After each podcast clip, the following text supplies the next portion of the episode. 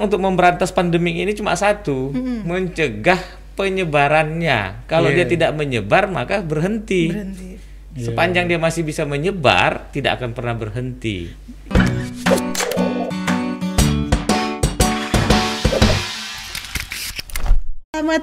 Malam. Selamat malam Tribuners. Biasa di sore gitu ya, ini udah malam rupanya. Oh, Aduh, habis selamat maghrib, malam. sekarang kita Tribuners. ngumpul-ngumpul lagi. Bareng siapa nih kak? Iya, kita masih di Tribun Batam Podcast. Tribun Batam Podcast, Aduh. Tripod. Tripod. Ada rame. Kali ini kita rame di studio. Biarpun rame tetap menjaga jarak ya. Ingat itu. Oh, Netizen jangan berpikiran buruk ya. Ini langsung kita datangin dari Galang. Jauh-jauh dari Galang nih. Jauh-jauh dari Galang. Diimpor dari Galang. Betul nggak pak? Iya, benar. Benar Dari ya. Galang. Siapa, Ah, ah. Ren? Ini ada Kolonel Kairul Isan Nasution. Ada dokternya loh depannya. Oh iya, dokter. dokter Aduh. kolonel atau kolonel dokter? Kalau menyebut nama kita itu harus lengkap. oh. Gimana Jadi tuh? Kalau sebutan lengkapnya Kolonel CKM Doktor Dokter Khairul Ihsan Oh, Nasution. Spesialis bidang saraf. Ampun, ampun, ampun. Aku ulangin, aku ulangin. Kolonel SKM. dok- CKM. Oh, CKM. CKM itu Korps Kesehatan Militer. Oh. Dokter, Dokter, dokter, Khairul Ihsan Nasution spesialis bedah saraf. Cucok. Gitu ya. Atau kita sering memanggilnya adalah Dokter. Kin, Kin. Dokter Kin. Macam ini ya, yang dokter-dokter Korea Dokter. Iya. Kin Kairul Ihsan Nasution. Iya, betul. Beliau ini kepala Rumah Sakit Darurat COVID-19 19 Batam. Batam. Yang Iya. Galang ya, mungkin Tribuners yang belum Iya. tahu di mana sih Rumah Sakit COVID-19. Iya. Nah, aduh keterlaluan sekali. Ini ada satu lagi. nih. Satu Ad- lagi ada Wih, Bang Joker. Siapa yang gak kenal dengan Bang Joker ini? Ini yang yang hits hits itu tuh, yang Instagramnya followernya puluhan ribu. Iya. Jangan-jangan sekarang ratusan bang ya? Belum puluhan. Mudah-mudahan kita kecipratan ya. Mudah-mudahan. Hostnya aja. Mudah-mudahan. Ada Bang Joker Supriyadi. Selamat datang Bang Joker. datang kembali. Sehat ya Bang. Eh. Wah, Bang Joker di Bang, bang, ntar aku mau nanya dulu kak. Bang Joker ini nama aslinya siapa bang? Namanya Supriyadi. Supriyadi. Siap. Tok. Tok. Wih hemat ya. Sukunya Jawa, lahirnya di tanah kelahirannya Pak Nasution. Oh, jadi Baja lah, ya, Batak Jawa ya. Puja Ada Kesuma. rasa Bataknya. Puja Kesuma, putra Jawa kelahiran Sumatera. Oh, ada lagi sih. Anak-anak pejabat, pejabat. keturunan Jawa Batak. Iya, Oh, siap, masuk. siap, siap, siap. Nah, Bang Joker ini kemarin kan sempat nih Iya. COVID, jadi bisa dibilang mantan Terpapar ya, pasien COVID. Sa- saya sebenarnya nggak setuju dengan kata mantan. Jadi apa Ini bang? Veteran. Iya. Karena kita perang melawan Covid, Dok. Ya, Ah, siap, siap, siap, Iya, siap. setuju. Kalau kalau mantan itu maknanya seperti harus dibuang gitu. Ini veteran berhasil. Oh. Iya, Iya. iya. Veteran ya, veteran Keren, COVID-19. keren. Wih, Benar, Iya, bukan Dewa 19. Iya, iya, iya, iya, benar, benar, benar juga kita berperang melawan COVID. COVID. Dan Iya. menang ya. Dan Dan menang, menang, dan harus menang, harus menang. Oke, nih malam-malam ini memang eh, kita selalu mengingatkan untuk selalu 3M. ya. Apa tuh 3M, Kak? Mencuci masker. Oh, mencuci masker sih. Oh, ini, ini tambahan baru lagi nih. Mencuci masker. Salah, salah. Kesat nih. Eh, tapi benar. Masker yang dicuci harus Iya, dicuci. benar kan? Ya. Memakai masker. Memakai masker dulu, baru mencuci piring. Bukan.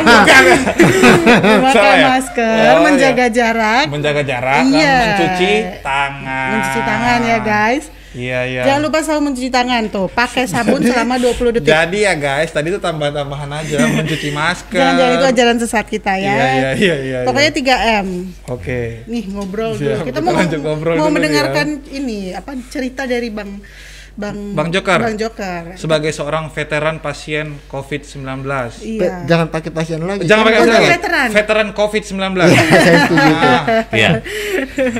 Tapi benar, entar dulu deh aku mau nanya ke Dokter Kin, Wih, Dokter Kin. Dok sebenarnya kalau di Galang itu kapasitasnya berapa ya untuk penampungan ya. Penampungan menampung pasien, pasien COVID. COVID? Iya, kapasitas rumah sakit kita itu semuanya 360 tempat tidur. 360 tempat Iya, tidur. sebenarnya 20 tempat tidur itu adalah eh, ruang ICU. Jadi yang efektif itu sebenarnya kapasitas 340. kita itu 340. Oke. Dan sekarang yang sudah terisi Saat ini hari ini sore ini 302. Betul. Kalau kemarin tiga hari yang lalu kita sampai terisi 350. Wih, mepet ya. ICU-nya pun sudah kita pakai walaupun tidak pasien yang kritis. Oke, Iya. 350. Jadi bisa dibilang itu tinggal Tinggal 10 bed lagi, Iya. 10 slot lagi dia. dan udah pada sembuh ya, Dok. Jadi Iya, sekarang tinggal mudah-mudahan 302, alhamdulillah. tapi tetap masih penuh sebenarnya Iya. ya. Masih, masih. Itu Tapi rata-rata keluar masuknya bisa berapa pasien sih pak per hari itu? Per Rata-ratanya hari- ya deh. Per hari itu rata-rata biasanya itu sekitar 28. Yang Masuk. Masuk 28 keluar. Keluar. Kita selalu upayakan demikian. Oh, nggak lebih banyak yang masuk ya, Dok ya. Enggak, kalau lebih banyak yang masuk tentu kapasitasnya kan nggak cukup. Nah, Jadi biasanya memang eh, dia kita buat eh, keluar itu dengan daya tampungnya sama. Oh. Kalau kapasitas pasien di luar Batam eh di dalam kota Batam ini cukup banyak. Tetapi kalau memang secara akumulasi pasien di kota Batam ini menurun, ya tentu nggak bisa kita minta banyak pasiennya. Tapi untuk saat ini jumlah pasien memang cukup sangat banyak. Iya, iya benar. Iya. Tapi kenapa ya, Dok? Eh, Kita penasaran juga kenapa rumah sakit Galang di rumah sakit ini dibikinnya di Galang. Di Dok? Galang. Jadi Ada alasan tertentu. Mungkin dokter Gin bisa menjelaskan ya kenapa di Galang dipilihnya. alasannya kalau saya dengar dari pemangku kebijakan, saya saya sendiri sih tidak tahu persis ya dasarnya. Tapi kalau setelah kita jalanin 8 bulan, kita bisa ambil suatu kesimpulan. Memang di situ agak jauh dari Pemukiman pemukiman. Resistensi masyarakat untuk keberadaan rumah sakit COVID itu tentu tidak banyak karena masyarakat di sana tidak banyak. Kemudian wilayahnya itu dia memang betul-betul sedikit terisolir di tengah-tengah pulau jauh Iya, iya. jauh.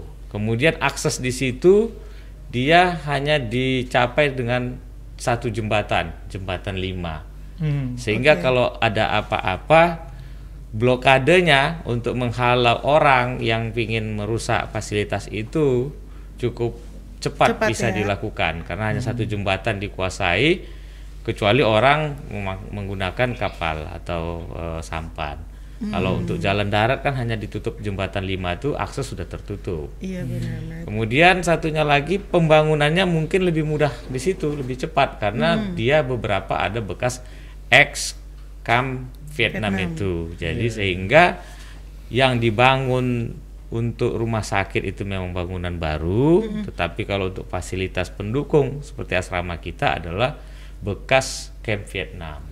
Oh, asramanya di Camp Vietnam. ya? Iya, asrama kami itu adalah bekas rumah sakit yang dulunya Camp digunakan camp Vietnam. Oh, mungkin mungkin kalau di Iya. Galang juga pasiennya nggak bisa kabur-kabur kan? PR juga dia kalau mau ke kota jauh. Iya, jauh, Jauh, ya. iya, jauh. Jalan kaki juga kerasa tuh. Ya, kemudian udaranya juga kan masih segar di sana Iya, ya. benar, segar ya, Udara masih segar, masih anu asri lah ya. Iya. Kan kemarin tuh sempat tuh Pak puting beliung kan. Iya, Iya. betul. Itu gimana tuh? Apa rumah sakitnya udah renov kah segala macam kah? Iya, Dan jadi mungkin bisa cerita dikit Pak kejadian waktu kejadian puting beliung itu kan ah, hujan sudah mulai maghrib itu sudah hujan di Batam dan sekitarnya termasuk di Pulau Galang.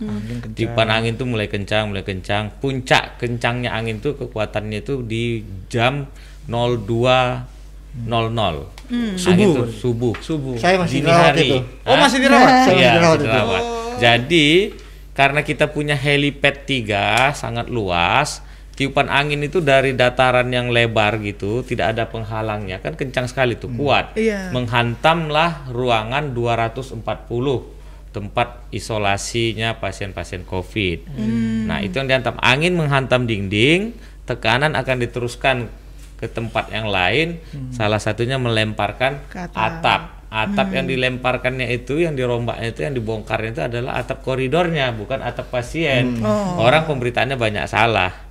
Atap terasnya atap Atap teras. atap terasnya itu yang dihantam. Kemudian karena memang kita masih dalam tanggung jawabnya PUPR Kementerian PUPR kita lapor hari itu juga dikerjakan dalam tempo tiga hari orang itu bekerja 24 jam itu fasilitas sudah sempurna kembali dan sudah selesai Jadi udah ini lagi ya. Iya. Sudah clear ya. Sudah clear, sudah clear tiga hari itu. Ya. cepat ditanganin Cepat, ya berarti. iya. Iya.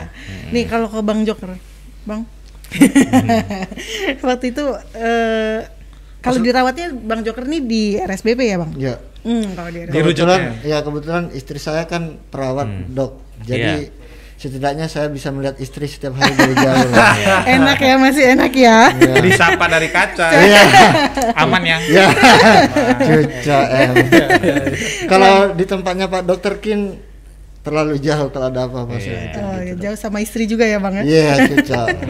Tapi Abang percaya, wah awalnya tuh percaya nggak sih? Ah, kok aku bisa jadi pasien COVID nih? Eh, Ja- jadi percaya atau tidak di- Maret saya kan di Intel. Jadi kan kita sudah buat perkiraan intelijennya. mm-mm, Saya sudah ngomong di ruangan saya dengan satu unit saya. mm-mm. Saya sudah mengikhlaskan di awal Maret loh itu saya bicara di ruangan saya. Maafin ya dok. Ya. Jadi saya bilang ke perwira dan bintara di unit saya saya bilang saya kalau saya kena corona ini saya ikhlas kok. Dengan risiko pekerjaan kita yang tiap hari di lapangan jaga demo, ketemu orang, menggalang orang dan ditambah istri saya yang juga seorang perawat di rumah sakit. Kemungkinan saya terkena itu Sangat tinggi lah ya. Sangat Sangat tinggi. tinggi. Saya, saya saya saya sudah perkirakan itu dari Maret. Dari Maret. Ya. Jadi sudah Mengikhlaskan memang iya dengan risiko pekerjaan yang bermodal cuman masker dan hand sanitizer itu saya pikir sudah bukan bukan menyerah sih berikhtiar sebenarnya menyemangati diri sendiri. Kalau kena saya nggak harus salahkan diri saya sendiri, orang lain atau istri saya gitu loh. hmm, Benar. jadi pas eh, kejadian Pas 1 September saya dinyatakan positif. Eh, ya 1 September saya di, mulai dirawat di rumah sakitnya istri saya. Saya lanjut move on aja. hmm, masuk nggak perlu lihat-lihat ke belakang lagi kan cuman itu aja yang membuat saya takut sebenarnya karena kalau sudah masuk kalau nggak hidup ya dalam peti kan gitu kok Iya. Iya kan dok itu Tapi tapi benar sih ya. apa bang yang ada di pikiran abang saat pertama kali tahu covid nih? Kita kadang nggak percaya ini nggak ada lah covid Iya. nih gitu kadang mungkin masyarakat masih banyak yang mungkin karena mereka belum ini ya Iya. Hmm, gimana ya di negara-negara yang lebih maju peradabannya dari Indonesia yang terkena imbas pertama dari covid aja mereka sudah langsung lockdown ya Mhm. gimana dengan Indonesia gitu ya gimana kita apalagi saya yang setiap hari mainnya sosial media terus saya di intelijen kita kan harus punya perkiraan-perkiraan kita itu berpikirnya bukan kemungkinan terbaik tapi kemungkinan terburuk Terburuk. kenapa karena kita yang membuat anila- analisa dan kebijakan yang bisa diambil oleh pimpinan bukan begitu kan dok Iya.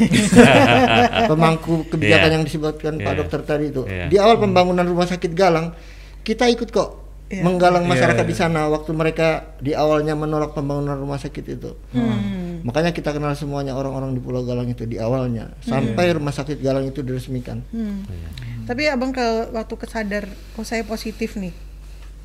Itu kan apa? Ada gejalanya juga atau? Hmm. Oh, gimana? jadi eh, dua kegiatan terakhir itu saya pengamanan demo buruh di Geraha Kepri. Oh, demo. Dulu. Kepri. Ya, ya. sebelum tanggal 22. Habis itu tanggal 22 saya mulai sebelum tanggal 22 itu ada pengibaran bendera tauhid di Barelang. Hmm. Jadi kondisinya itu hujan, nggak sarapan pagi sampai siang, terus eh, demam tiga hari Oh. tiga malam. Oh iya. Cuman kan istri saya bilang kalau cek darah itu harus tunggu tiga hari dulu. Di masa pandemi ini kan kemungkinan cuma tiga. Kalau nggak tipes, demam berdarah, sama corona kan Corona. gitu. Oh. Jadi jadi di awal itu saya sudah rapid dua kali malah itu non reaktif. Di awal. Oh rapidnya Iya. non reaktif dua kali. dua kali. Begitu saya swab, eh begitu hari ketiga, saya ke RSBP sama istri, itu udah ikut prosedurnya, masuk ke ruang isolasi karena demam kan. Hmm. Hmm.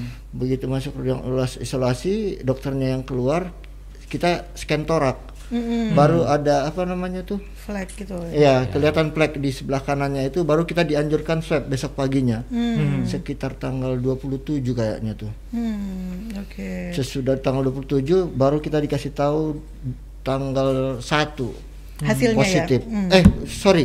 Tanggal 27 itu swab pertama saya di Rumah Sakit Bayangkara itu negatif malah. Oh. Swab kedua karena dua hari berturut-turut langsung positif. Positif. Oh.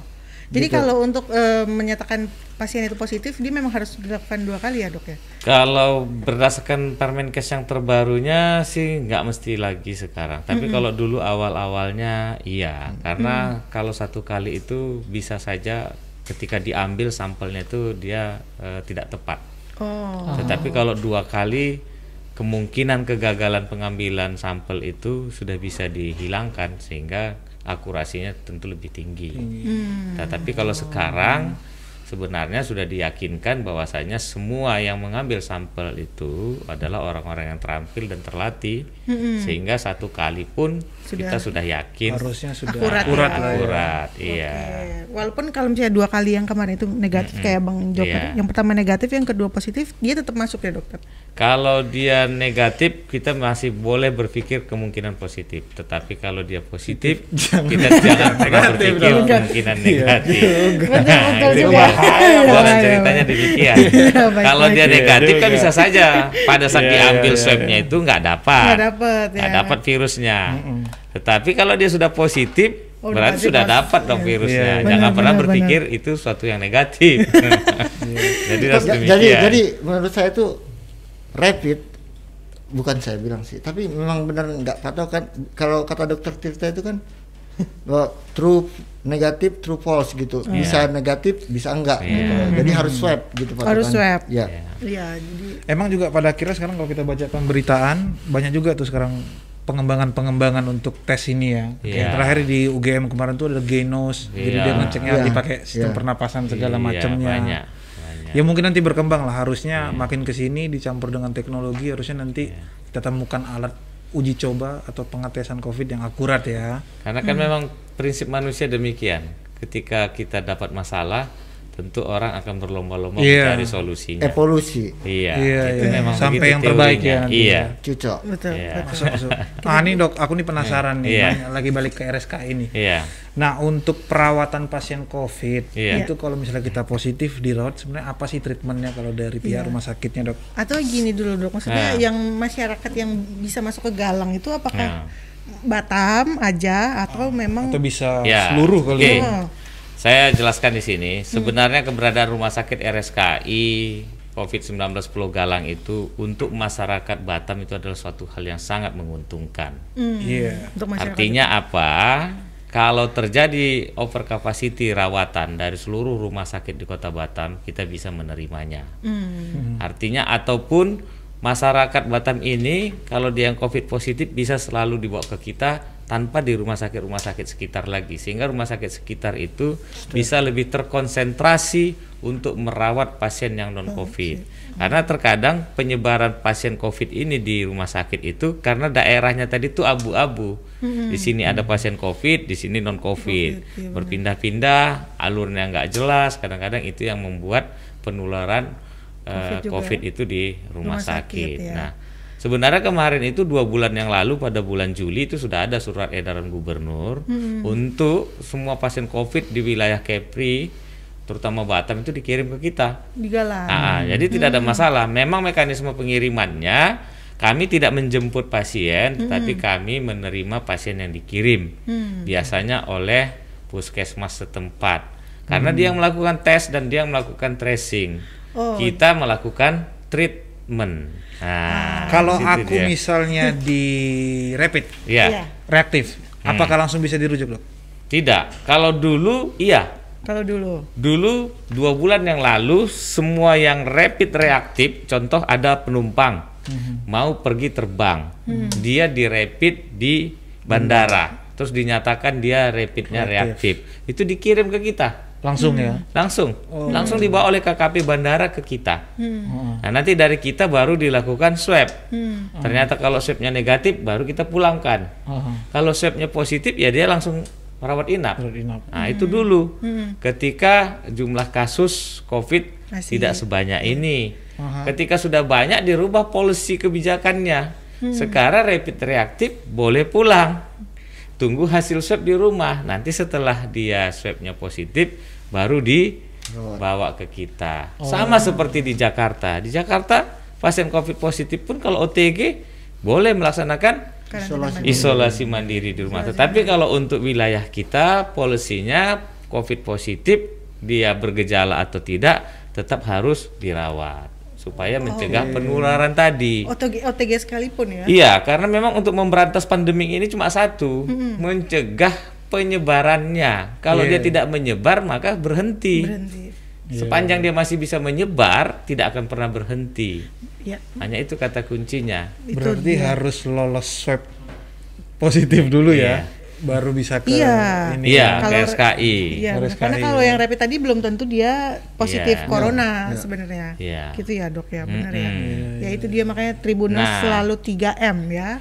Mari kembali lagi kita kepada treatment khususnya untuk pasien-pasien yang tidak bergejala, dia sebenarnya tidak apa-apa, hanya proses karantinanya saja. Dia seperti hidup normal. Nah, kadang-kadang orang diisolasi di rumah sakit seperti di luar rumah sakit Pulau Galang, dia langsung stres karena dia nanti dimasukkan ke ruangan, padahal dia nggak sakit, dia di situ sendiri, nggak diperhatikan, Iya.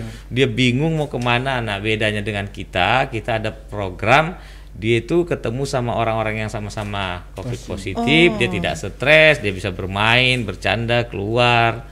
Nah itu, kalau dia yang bergejala, memang kita obati dengan gejalanya. Gejala dia apa itu yang kita obati? Oh sesuai dengan gejalanya. Gejala- Sesuai Gejalanya. dengan gejalanya. Misalnya tadi kalau Oke. kayak Bang Jokar Hmm, demam ya, ya. kita kasih obat demam. Oh. Karena memang sesungguhnya obat yang benar-benar menghilangkan virus COVID ini kan tidak ada. Belum ada ya. Tapi kalau li- kita mungkin dari analisa dokter aja, Iya. kalau kita ngelihat dari pasien-pasien COVID hari ini mungkin satu bulan terakhir atau dua bulan terakhir kali dari persentasenya nih orang yang positif COVID bergejala sama orang yang ber, yang positif COVID tapi tidak bergejala banyak mana dok? Banyak yang tidak bergejala. Banyak yang tidak bergejala Iya. ya. itu se, se Indonesia atau cuma di Kepri? Se-Indonesia. Se-Indonesia. Se-Indonesia pasti banyak yang OTG. OTG, tadi. Oh, Ini yang ngeri ya. Iya. Ini yang ngeri sebenarnya OTG ini. Iya. Iya. Kita nggak tahu ya. Ya, kita tidak tahu dia berpotensi menularkan ke orang lain. Makanya kan sekarang semboyannya itu pakailah maskermu, saya pakai masker saya. Maskermu menyelamatkanku, maskerku menyelamatkanmu. Karena penularannya kan memang melalui droplet. Kalau dalam bahasa medisnya melalui pernapasan, inhalasi, terhirupnya butiran udara yang keluar yang mengandung kuman virus tadi. Iya, iya, iya. Tapi kalau ke Bang Joker, kalau Bang Joker sendiri tahu nggak siapa sih yang sebenarnya menularkan aku? Ya, tracingnya kemarin gimana tuh, Pak Tracingnya, Joker? Ke siapa? Entah, entah ibu karena ibu orang rumah sakit, enggak? Enggak, tracingnya ya? enggak. Enggak Pak. ya? Jadi Tracing eh, yang tidak diketahui trace- lah iya, ya. Tidak diketahui. Tidak Yang jelas diketahui. kegiatan terakhir saya itu dua kali demo dalam Hmm, seminggu karena semenjak new normal kita kan tidak mengeluarkan izin keramaian atau Iya. menerima pemberitahuan demo. Tapi karena ini negara demokrasi, silakan dan kita jaga. Hmm. Tetapi dengan protokol kesehatan. Hmm. Saya kan kebetulan di unit Intel yang menerima pengajuan-pengajuan demo, Izin mogok kerja. kerja. Hmm. Ya gimana lah. Ya, Dengan ya. modal hanya masker dan hand sanitizer ini. Iya. Ditambah sekarang ini Face shield. shield. Iya, iya, iya. Kalau yang kita hadapin itu se- besok nih demo UMK besok mereka akan menurunkan dari 10.000 menjadi 1.200. Enggak usah 1.200. 300 orang kerja saya kayaknya kayak masih itu ambil dokumentasi, ngambil foto-foto apa orang-orang. Gimana nggak mungkin saya nggak terpapar. Oke. Orang begini, dia salam kita begini nih. Udah, dia begini. Kita nggak salam, ih sombong kali Pak polisi kata dia kan. Padahal dia udah gini-gini, buka masker gini-gini. Iya juga. Gimana saya mau mengetahui tracingnya dari mana dok? iya, gitu loh. betul. Jadi sebenarnya pun dok eh, kalau kita salamnya jotosan gitu pun berpotensi Iya, untuk berpotensi menular. ya. juga. Tet- tetap makanya kalau waktu saya di rumah sakit dikasih tahu tetap harus rajin-rajin cuci tangan. tangan. Jadi emang habis jotos-jotosan Hmm. atau salam-salaman. Nggak bisa. Ya. cuci tangan ya kalau Iya. hand sanitizer emang ya. Emang kita nggak bisa menghindari dari 3M itu, Ren. Iya iya, mencuci tangan. Mencuci tangan itu penting banget. Menggunakan masker dan menjaga jarak. Jarak. Ya. Ya. Sebenarnya itu sekarang pun sudah mulai dikembangkan lagi tidak Nambah lagi ya? pada 3M itu. Iya, iya. Menghindari Kerumunan. kerumunan, menghindari ruang tertutup yang berlama-lama. Oh, oke. Iya. Ruang itu. tertutup iya, ya. karena dia kan air sistemnya kan close. Iya, benar. Kalau ada penyebaran, dia kan berputar-putar di situ. Hmm. Tentu viral loadnya, jumlah virusnya akan semakin banyak. Apalagi kalau dalam satu mobil Iya, yang ber-AC ya. Iya. Itu banyak dia sekarang. Makanya nanti kita impor pedati aja nih. Iya.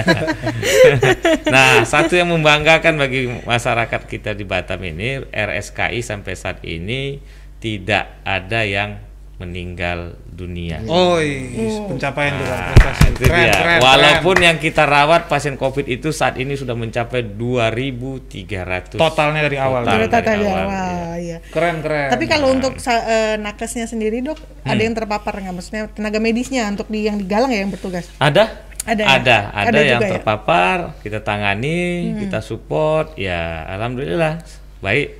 Dapat bekerja kembali, Dapat tidak bekerja tapi kita pulangkan. tapi aku jadi penasaran nih kalau Eh. misalnya nggak ada yang meninggal dari awal Eh. sampai sekarang berarti ada treatment khusus yang diterapkan atau something nih yang spesial yang mungkin bisa jadi pembeda nih sampai akhirnya apa nih dok mungkin bisa di sharing Ya, ya banyak faktor mungkin ya. Iya, Ya, iya, kita iya. kan ngobrol santai ya. Iya, mungkin iya. faktor yang pertama doa kami yang bekerja sana kuat. Amin. apa pun itu, yang jangan lupa pertama. berdoa Itu dulu kan. Iya, iya, iya. Ya, lebih didengar, lebih Iya, diijabah iya, kalau iya, bahasanya. iya. Itu udah kekuatan paling kuat Iya, itu. itu kekuatan paling tinggi kan Iya, rankingnya iya. dia kan top ranknya itu Iya. ya. Yang kedua mungkin orang yang di sana itu dia tidak depresi, dia lebih enjoy sehingga Hmm. dia imunitas tubuhnya tidak terganggu karena faktor depresi tadi. Hmm. Itu yang kedua. Yang ketiga perlakuannya mungkin kami berbeda karena kami di sana support mereka itu dengan madu, vitamin, Madu. selain obat standar penanganan COVID ya. Kemudian mereka bisa berolahraga ringan, keluar ruangan dua kali sehari, pagi dan sore. Dia ketemu sesama teman yang sejenis sama-sama COVID, tidak dikucilkan, bisa tanya jawab. Bahkan banyak yang TikTokan kan, TikTok, Happy deh nyanyi-nyanyi jadi di sana, ya. happy banyak di sana. Nah itu. Atau mungkin satunya lagi kebetulan saja COVID yang kena ke sana itu mungkin jenisnya strainnya yang lemah bisa jadi itu banyak faktor. Banyak Tapi yang faktor. jelas sampai saat ini ya alhamdulillah kita masih angkanya 100% masih sembuh, Sembuh, sembuh, sembuh. sembuh. alhamdulillah Kalau Bang Joker waktu perasaannya dirawat, ya kan pasti kita Iya, nggak tahu Bang. nih posisi kita kan memang pas lagi itu, aduh takut deh.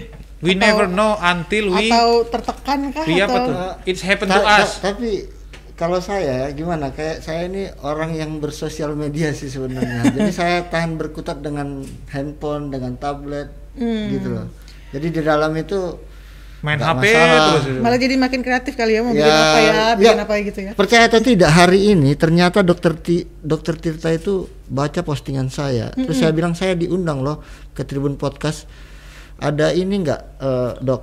Dia bilang apa? Eh, mantap utarakan aja dan sejujurnya bahwa COVID ada dan bisa sembuh. Jadi jangan takut. Ini dok, ini dokter Iya. Tirta. Iya, betul. Dokter. Tirta ya. Iya, betul. Jadi, buat dokter Tirta mungkin lagi Lagi nonton. nonton ya. Iya.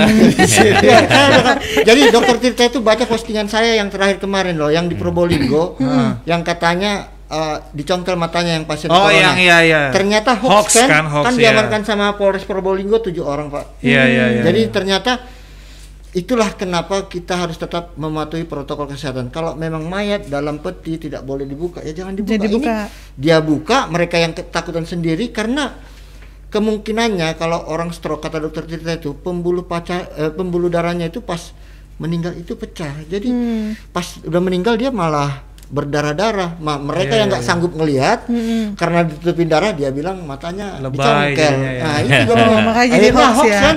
Nah, itu maksudnya, tujuh orang. Makanya saya lebih sering mengedukasi. Saya cari dulu di Google, pastikan dulu dari apa namanya tuh dari link yang misalnya eh, Tribun atau dari Ya. Detik. Baru saya posting karena Hmm. saya mainnya sama kayak dokter tadi bilang, capture media.